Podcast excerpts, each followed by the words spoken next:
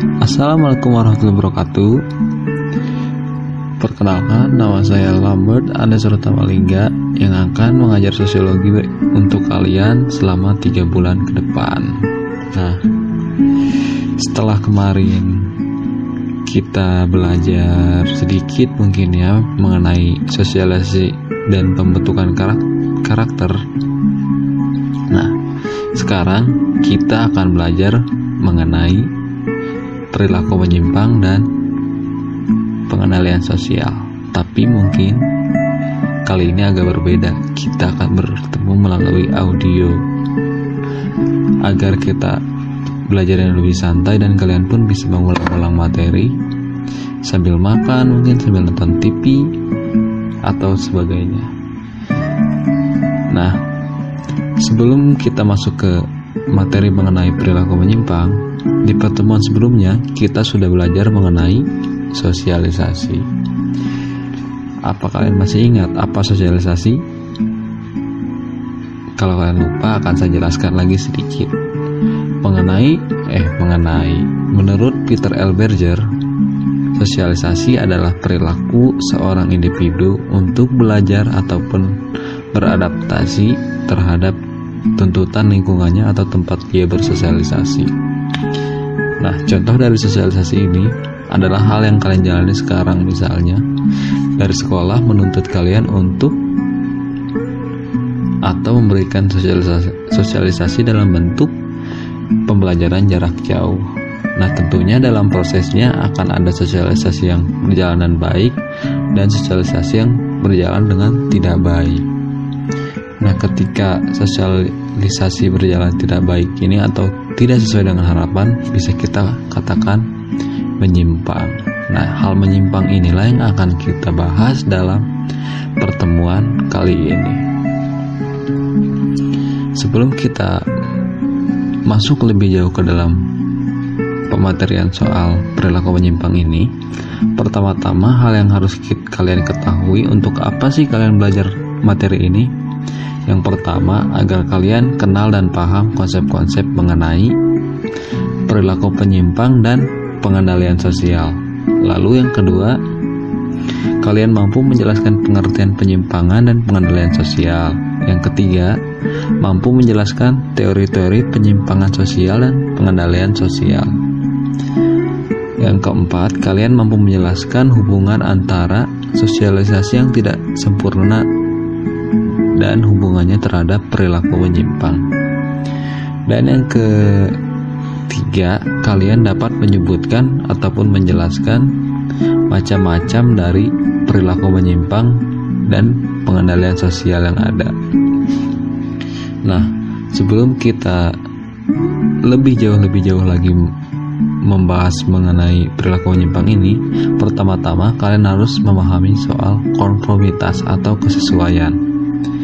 Tentunya kesesuaian ini kita kaitkan dengan perilaku masyarakat di kehidupan sosialnya. Nah, konformitas ini menurut John M. Shepard adalah bentuk interaksi ketika seseorang individu itu berperilaku sesuai dengan tuntutan kelompoknya.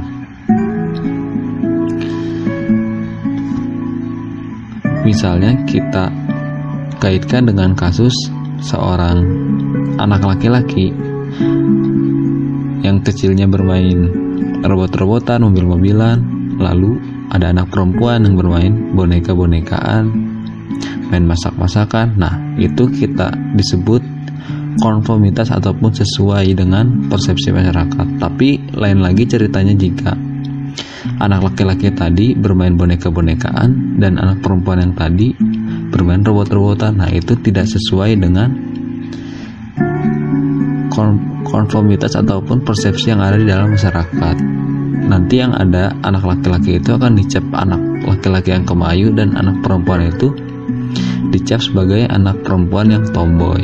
Nah, itu eh, yang disebut dengan konformitas atau jika kita kaitkan dengan keadaan kita sekarang ketika kalian keluar tidak menggunakan masker tidak mencuci tangan atau menggunakan hand sanitizer nah itu perilaku kalian disebut tidak konform ataupun tidak sesuai dengan tempat atau lingkungan kalian bersosialisasi.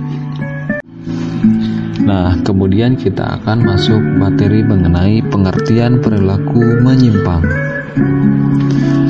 Menurut William Kornblum, perilaku menyimpang adalah ketika seorang individu berperilaku tidak sesuai dengan nilai dan norma yang ada di masyarakat atau tempat dia bersosialisasi. Nah, pelaku penyimpangan ini disebut juga dengan devian. Lebih jauh lagi, Kornblum mengatakan bahwa penyimpangan ini tidak hanya dapat terjadi kepada individu atau perorangan, akan tetapi dapat juga terjadi secara berkelompok atau disebut dengan deviant institution, di mana penyimpangan ini terjadi secara berkelompok, misalnya kejahatan yang terorganisir, sindikat pengedar narkoba, dan sindikat penjualan manusia.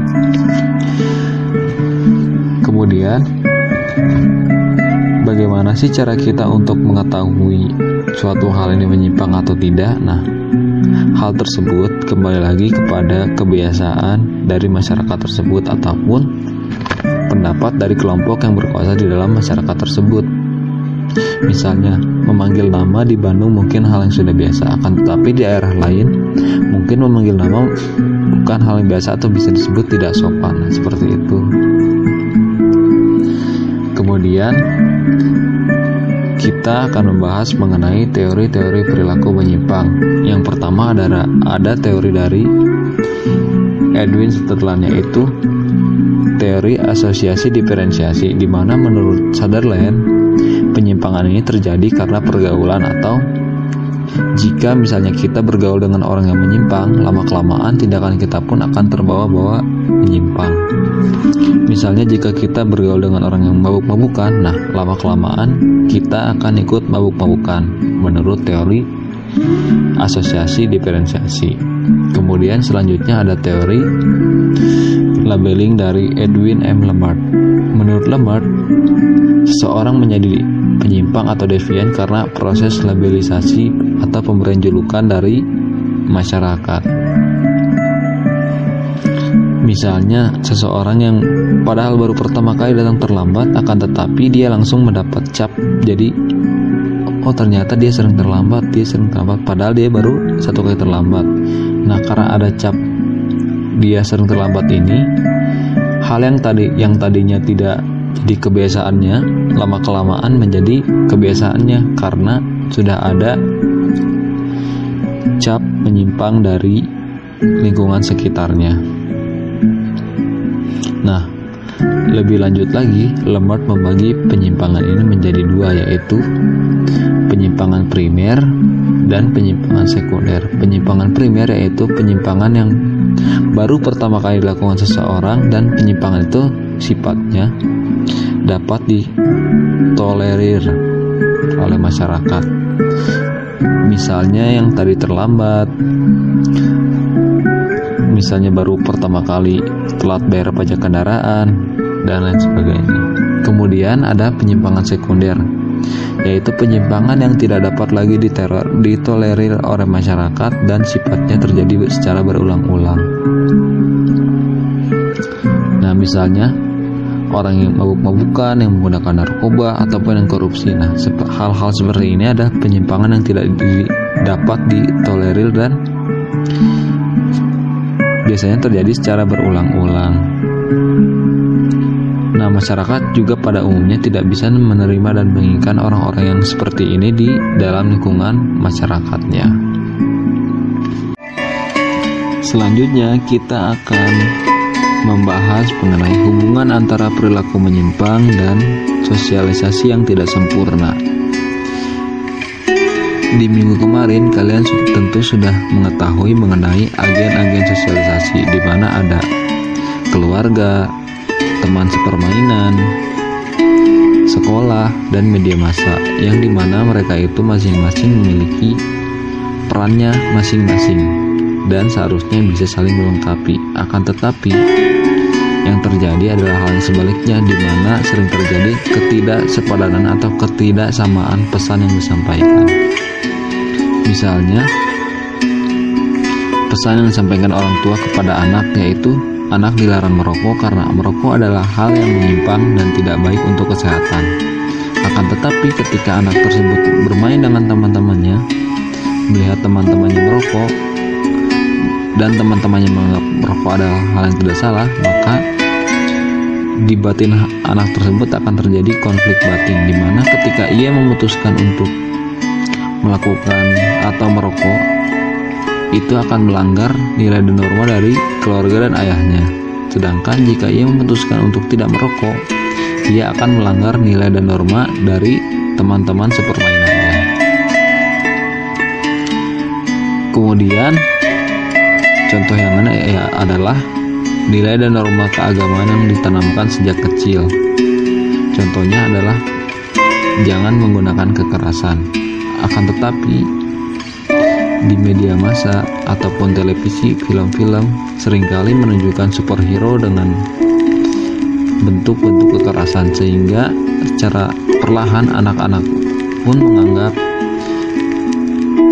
superhero adalah pihak-pihak yang dapat menggunakan kekerasan dan menang. Nah, persepsi tersebut perlahan-perlahan pun secara perlahan akan terbawa oleh anak tersebut sampai pada akhirnya anak tersebut pun menggunakan kekerasan untuk menyelesaikan masalah seperti hal yang dia lihat di televisi yang jatuhnya akan terjadi tawuran, kekerasan antar pelajar, dan yang lebih buruk pembunuhan. Nah, kemudian penyimpangan pun dapat terjadi ketika seseorang mengambil contoh daripada peran yang ada dalam masyarakat atau generalized order di mana biasanya masyarakat meniru peran dari pemimpin ataupun orang-orang terkemuka. Nah, idealnya orang-orang pemimpin atau terkemuka ini memberikan contoh-contoh yang baik akan tetapi tidak jarang para pemimpin ataupun orang terkemuka ini melakukan hal sebaliknya yaitu korupsi, kolusi, dan nepotisme. Nah, ketika yang melakukan ini, yang melakukan penyimpangan ini adalah orang-orang yang berkuasa, nah, hal tersebut akhirnya diterima oleh masyarakat dan menjadi nilai dan norma di masyarakat. Yang akhirnya penyimpangan tersebut pun jadi berkembang di dalam masyarakat.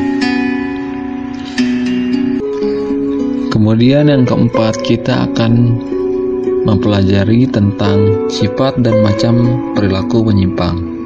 Nah, menurut sifatnya perilaku menyimpang ini dibagi menjadi dua, yaitu penyimpangan positif dan penyimpangan negatif. Penyimpangan positif adalah penyimpangan yang biasanya berdampak positif terhadap sistem sosial karena mengandung unsur inovatif, kreatif, dan memperkaya alternatif yaitu memperbanyak pilihan-pilihan dari pilihan yang sebelumnya ada. Nah, penyimpangan ini biasanya dapat diterima oleh masyarakat karena sesuai dengan perubahan zaman. Nah, misalnya peran perempuan yang dahulu itu hanya bisa di dapur, sumur, dan kamar. Nah, dengan adanya penyimpangan positif ini semakin ke sini semakin ke sini banyak perempuan yang menjadi wanita karir yaitu perempuan yang juga bisa bekerja sebagai laki-laki bukan hanya mengurus urusan dapur, sumur dan kamar lagi. Kemudian ada penyimpangan negatif. Nah, dalam penyimpangan negatif ini pelaku penyimpangan ini bertindak mengikuti nilai sosial yang dipandang rendah dan berakibat buruk bagi masyarakat. Nah, tindakan ini biasanya dicela dan tidak diterima oleh masyarakat. Misalnya, seorang yang terbukti melakukan pembunuhan, yang terbukti melakukan pemerkosaan, seorang yang terbukti korupsi, dan sebagainya. Kemudian, macam-macam perilaku menyimpang. Nah, perilaku menyimpang ini pun banyak macamnya. Yang pertama ada tindakan kriminal atau kejahatan. Kenapa dikatakan menyimpang? Karena tindakan kriminal dan kejahatan bertentangan dengan norma hukum, sosial, dan agama yang berlaku di masyarakat. Nah, contoh dari tindakan kriminal atau kejahatan menyimpang ini adalah pencurian, penganiayaan, pembunuhan, penipuan, pemerkosaan, dan perampokan. Nah, lebih jauh lagi, Emil Durkheim membagi bentuk tindak kriminal atau kejahatan ini menjadi dua, yaitu kejahatan tanpa korban. Nah, kejahatan tanpa korban ini tidak mengakibatkan penderitaan pada korban akibat tindak pidana yang dilakukan penyimpang. Contohnya ini berjudi, mengkonsumsi narkoba, mabuk-mabukan. Nah, ini tidak merugikan orang lain melainkan merugikan si perilaku penyimpangan tersendiri. Kemudian ada kejahatan terorganisir atau organized crime. Nah,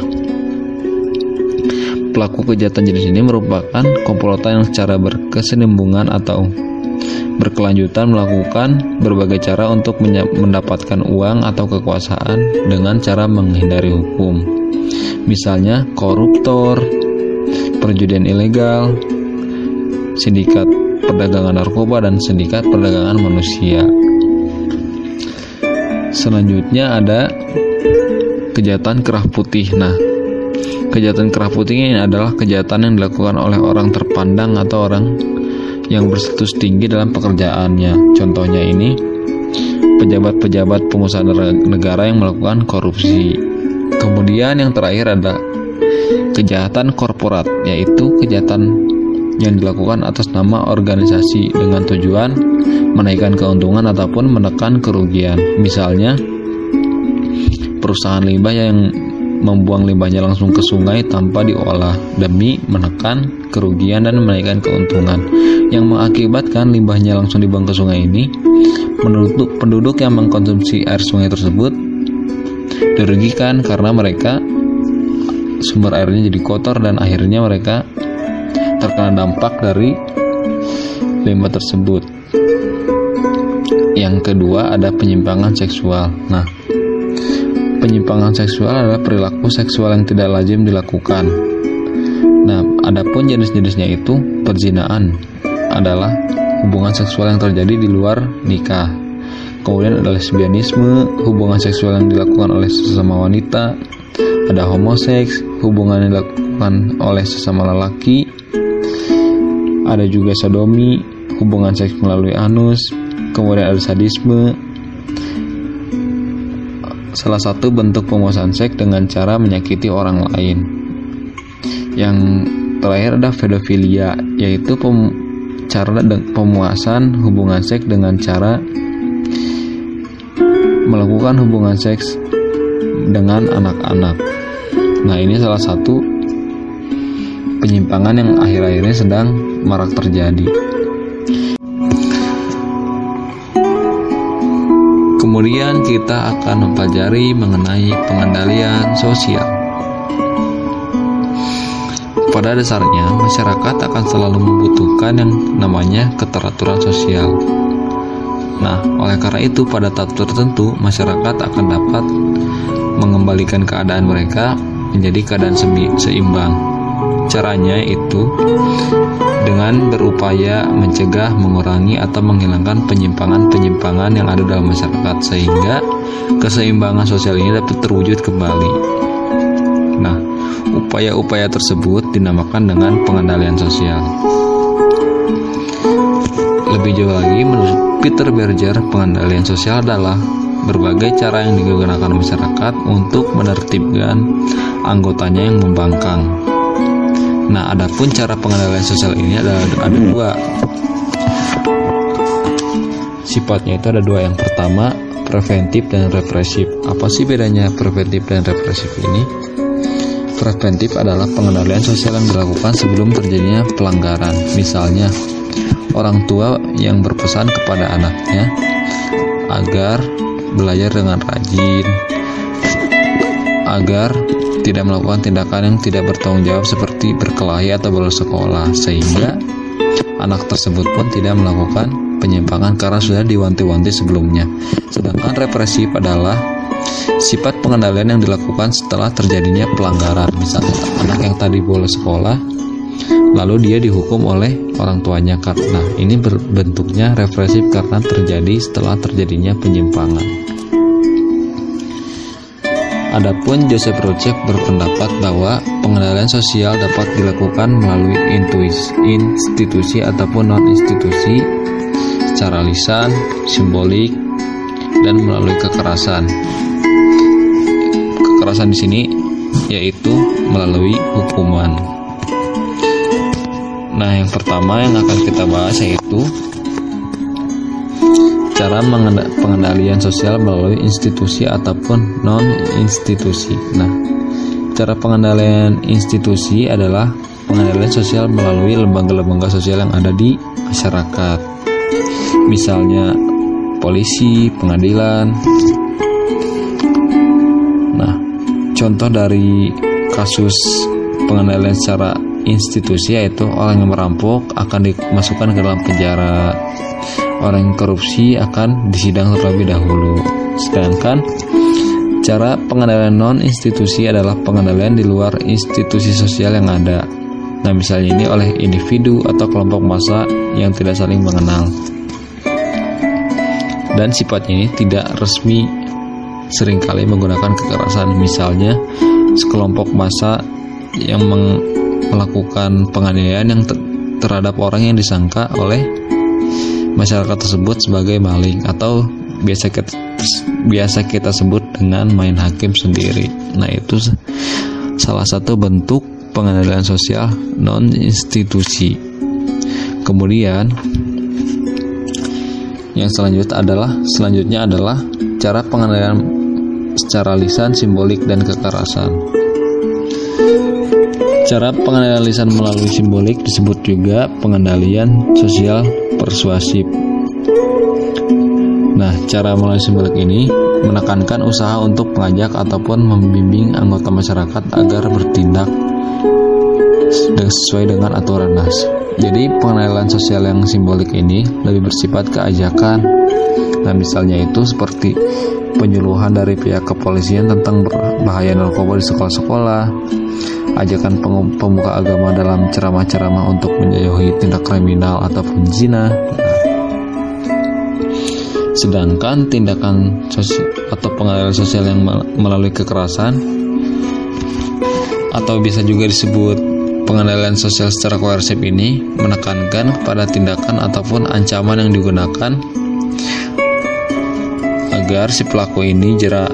Misalnya, pencopet yang tertangkap basah di dalam bus kota dikeroyok oleh para penumpang. Nah, meskipun cara ini termasuk tindakan menakam sendiri, tapi masyarakat tetap melakukannya agar si copet ini jerak gitu, tidak melakukan penyimpangan sosial berupa mencuri lagi, meskipun tindakannya melalui kekerasan. Nah, kemudian ada cara pengendalian sosial melalui imbalan dan hukuman atau reward and punishment. Cara pengendalian sosial melalui imbalan cenderung bersifat preventif atau mencegah atau sebelum terjadinya penyimpangan. Nah, contohnya itu siswa yang diberikan atau bisa mendapatkan beasiswa bila berperilaku sesuai dengan aturan-aturan yang ditetapkan oleh sekolah atau siswa yang mendapatkan nilai bagus karena tidak mencontek dalam ujian ataupun tugas-tugasnya. Nah, sedangkan pengendalian sosial melalui hukuman merupakan pengendalian yang cenderung bersifat represif. Nah, cara ini bertujuan untuk memulihkan keadaan seperti sebelum terjadinya pelanggaran. Misalnya siswa yang bolos dihukum skorsing selama seminggu dan diberi tugas membuat karya tulis pelaku pencurian dan pembunuhan dihukum penjara. Nah, itu merupakan bentuk-bentuk pengendalian sosial melalui imbalan dan hukuman atau reward and punishment. Kemudian ada cara pengendalian sosial melalui sosialisasi. Menurut Eric Fromm, apabila suatu masyarakat ingin berfungsi efektif, maka para anggota harus berperilaku sesuai dengan nilai dan norma sosial yang mengatur pola hidup masyarakat tersebut agar anggota masyarakatnya ini berperilaku sesuai atau konform dengan nilai dan norma yang ada di masyarakat. Nah, oleh karena itu diperlukan proses penanaman nilai dan norma yang disebut sosialisasi. Nah, cara pengendalian ini termasuk ke cara pengendalian atau sifat pengendalian yang preventif atau mencegah sebelum terjadinya penyimpangan. Kemudian yang terakhir ada cara pengendalian sosial melalui tekanan sosial. Nah, Richard Levere melihat pengendalian sosial sebagai proses yang lahir dari kebutuhan individu agar diterima ke dalam kelompok. Nah, maksud dari cara pengendalian sosial melalui tekanan sosial ini adalah memasukkan pelaku penyimpangan ke dalam lingkungan yang baik. Karena seseorang yang sebelumnya melakukan penyimpangan setelah bergabung ke dalam kelompok yang anggotanya tidak tidak melakukan penyimpangan, nah si pelaku penyimpangan itu akan merasa berbeda dengan teman-temannya sebab mereka tidak melakukan penyimpangan berbeda dengan si pelaku penyimpangan ini. Nah, tekanan dari orang-orang yang tidak melakukan penyimpangan ini pada akhirnya akan merubah dari si pelaku penyimpangan ini secara perlahan-lahan agar dia mulai berhenti melakukan penyimpangan karena setelah melihat ternyata lingkungan di sekitarnya adalah orang-orang yang tidak melakukan penyimpangan.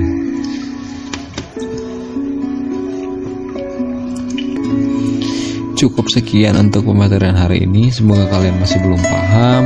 Jadi kalian masih baca-baca dari media lain seperti buku, internet. Dan jangan lupa tugasnya dikerjakan. Jangan mencetek punya teman, kerjakan sendiri. Dan jangan terlambat mengumpulkannya ya. Semangat! Assalamualaikum warahmatullahi wabarakatuh.